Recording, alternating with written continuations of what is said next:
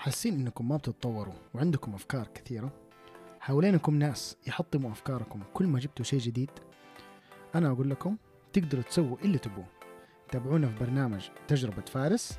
حتكلم في مواضيع مختلفة وحستضيف قصص نجاح ناس تعبوا ومهما تحطموا وواجهوا صعوبات ما استسلموا أبدا.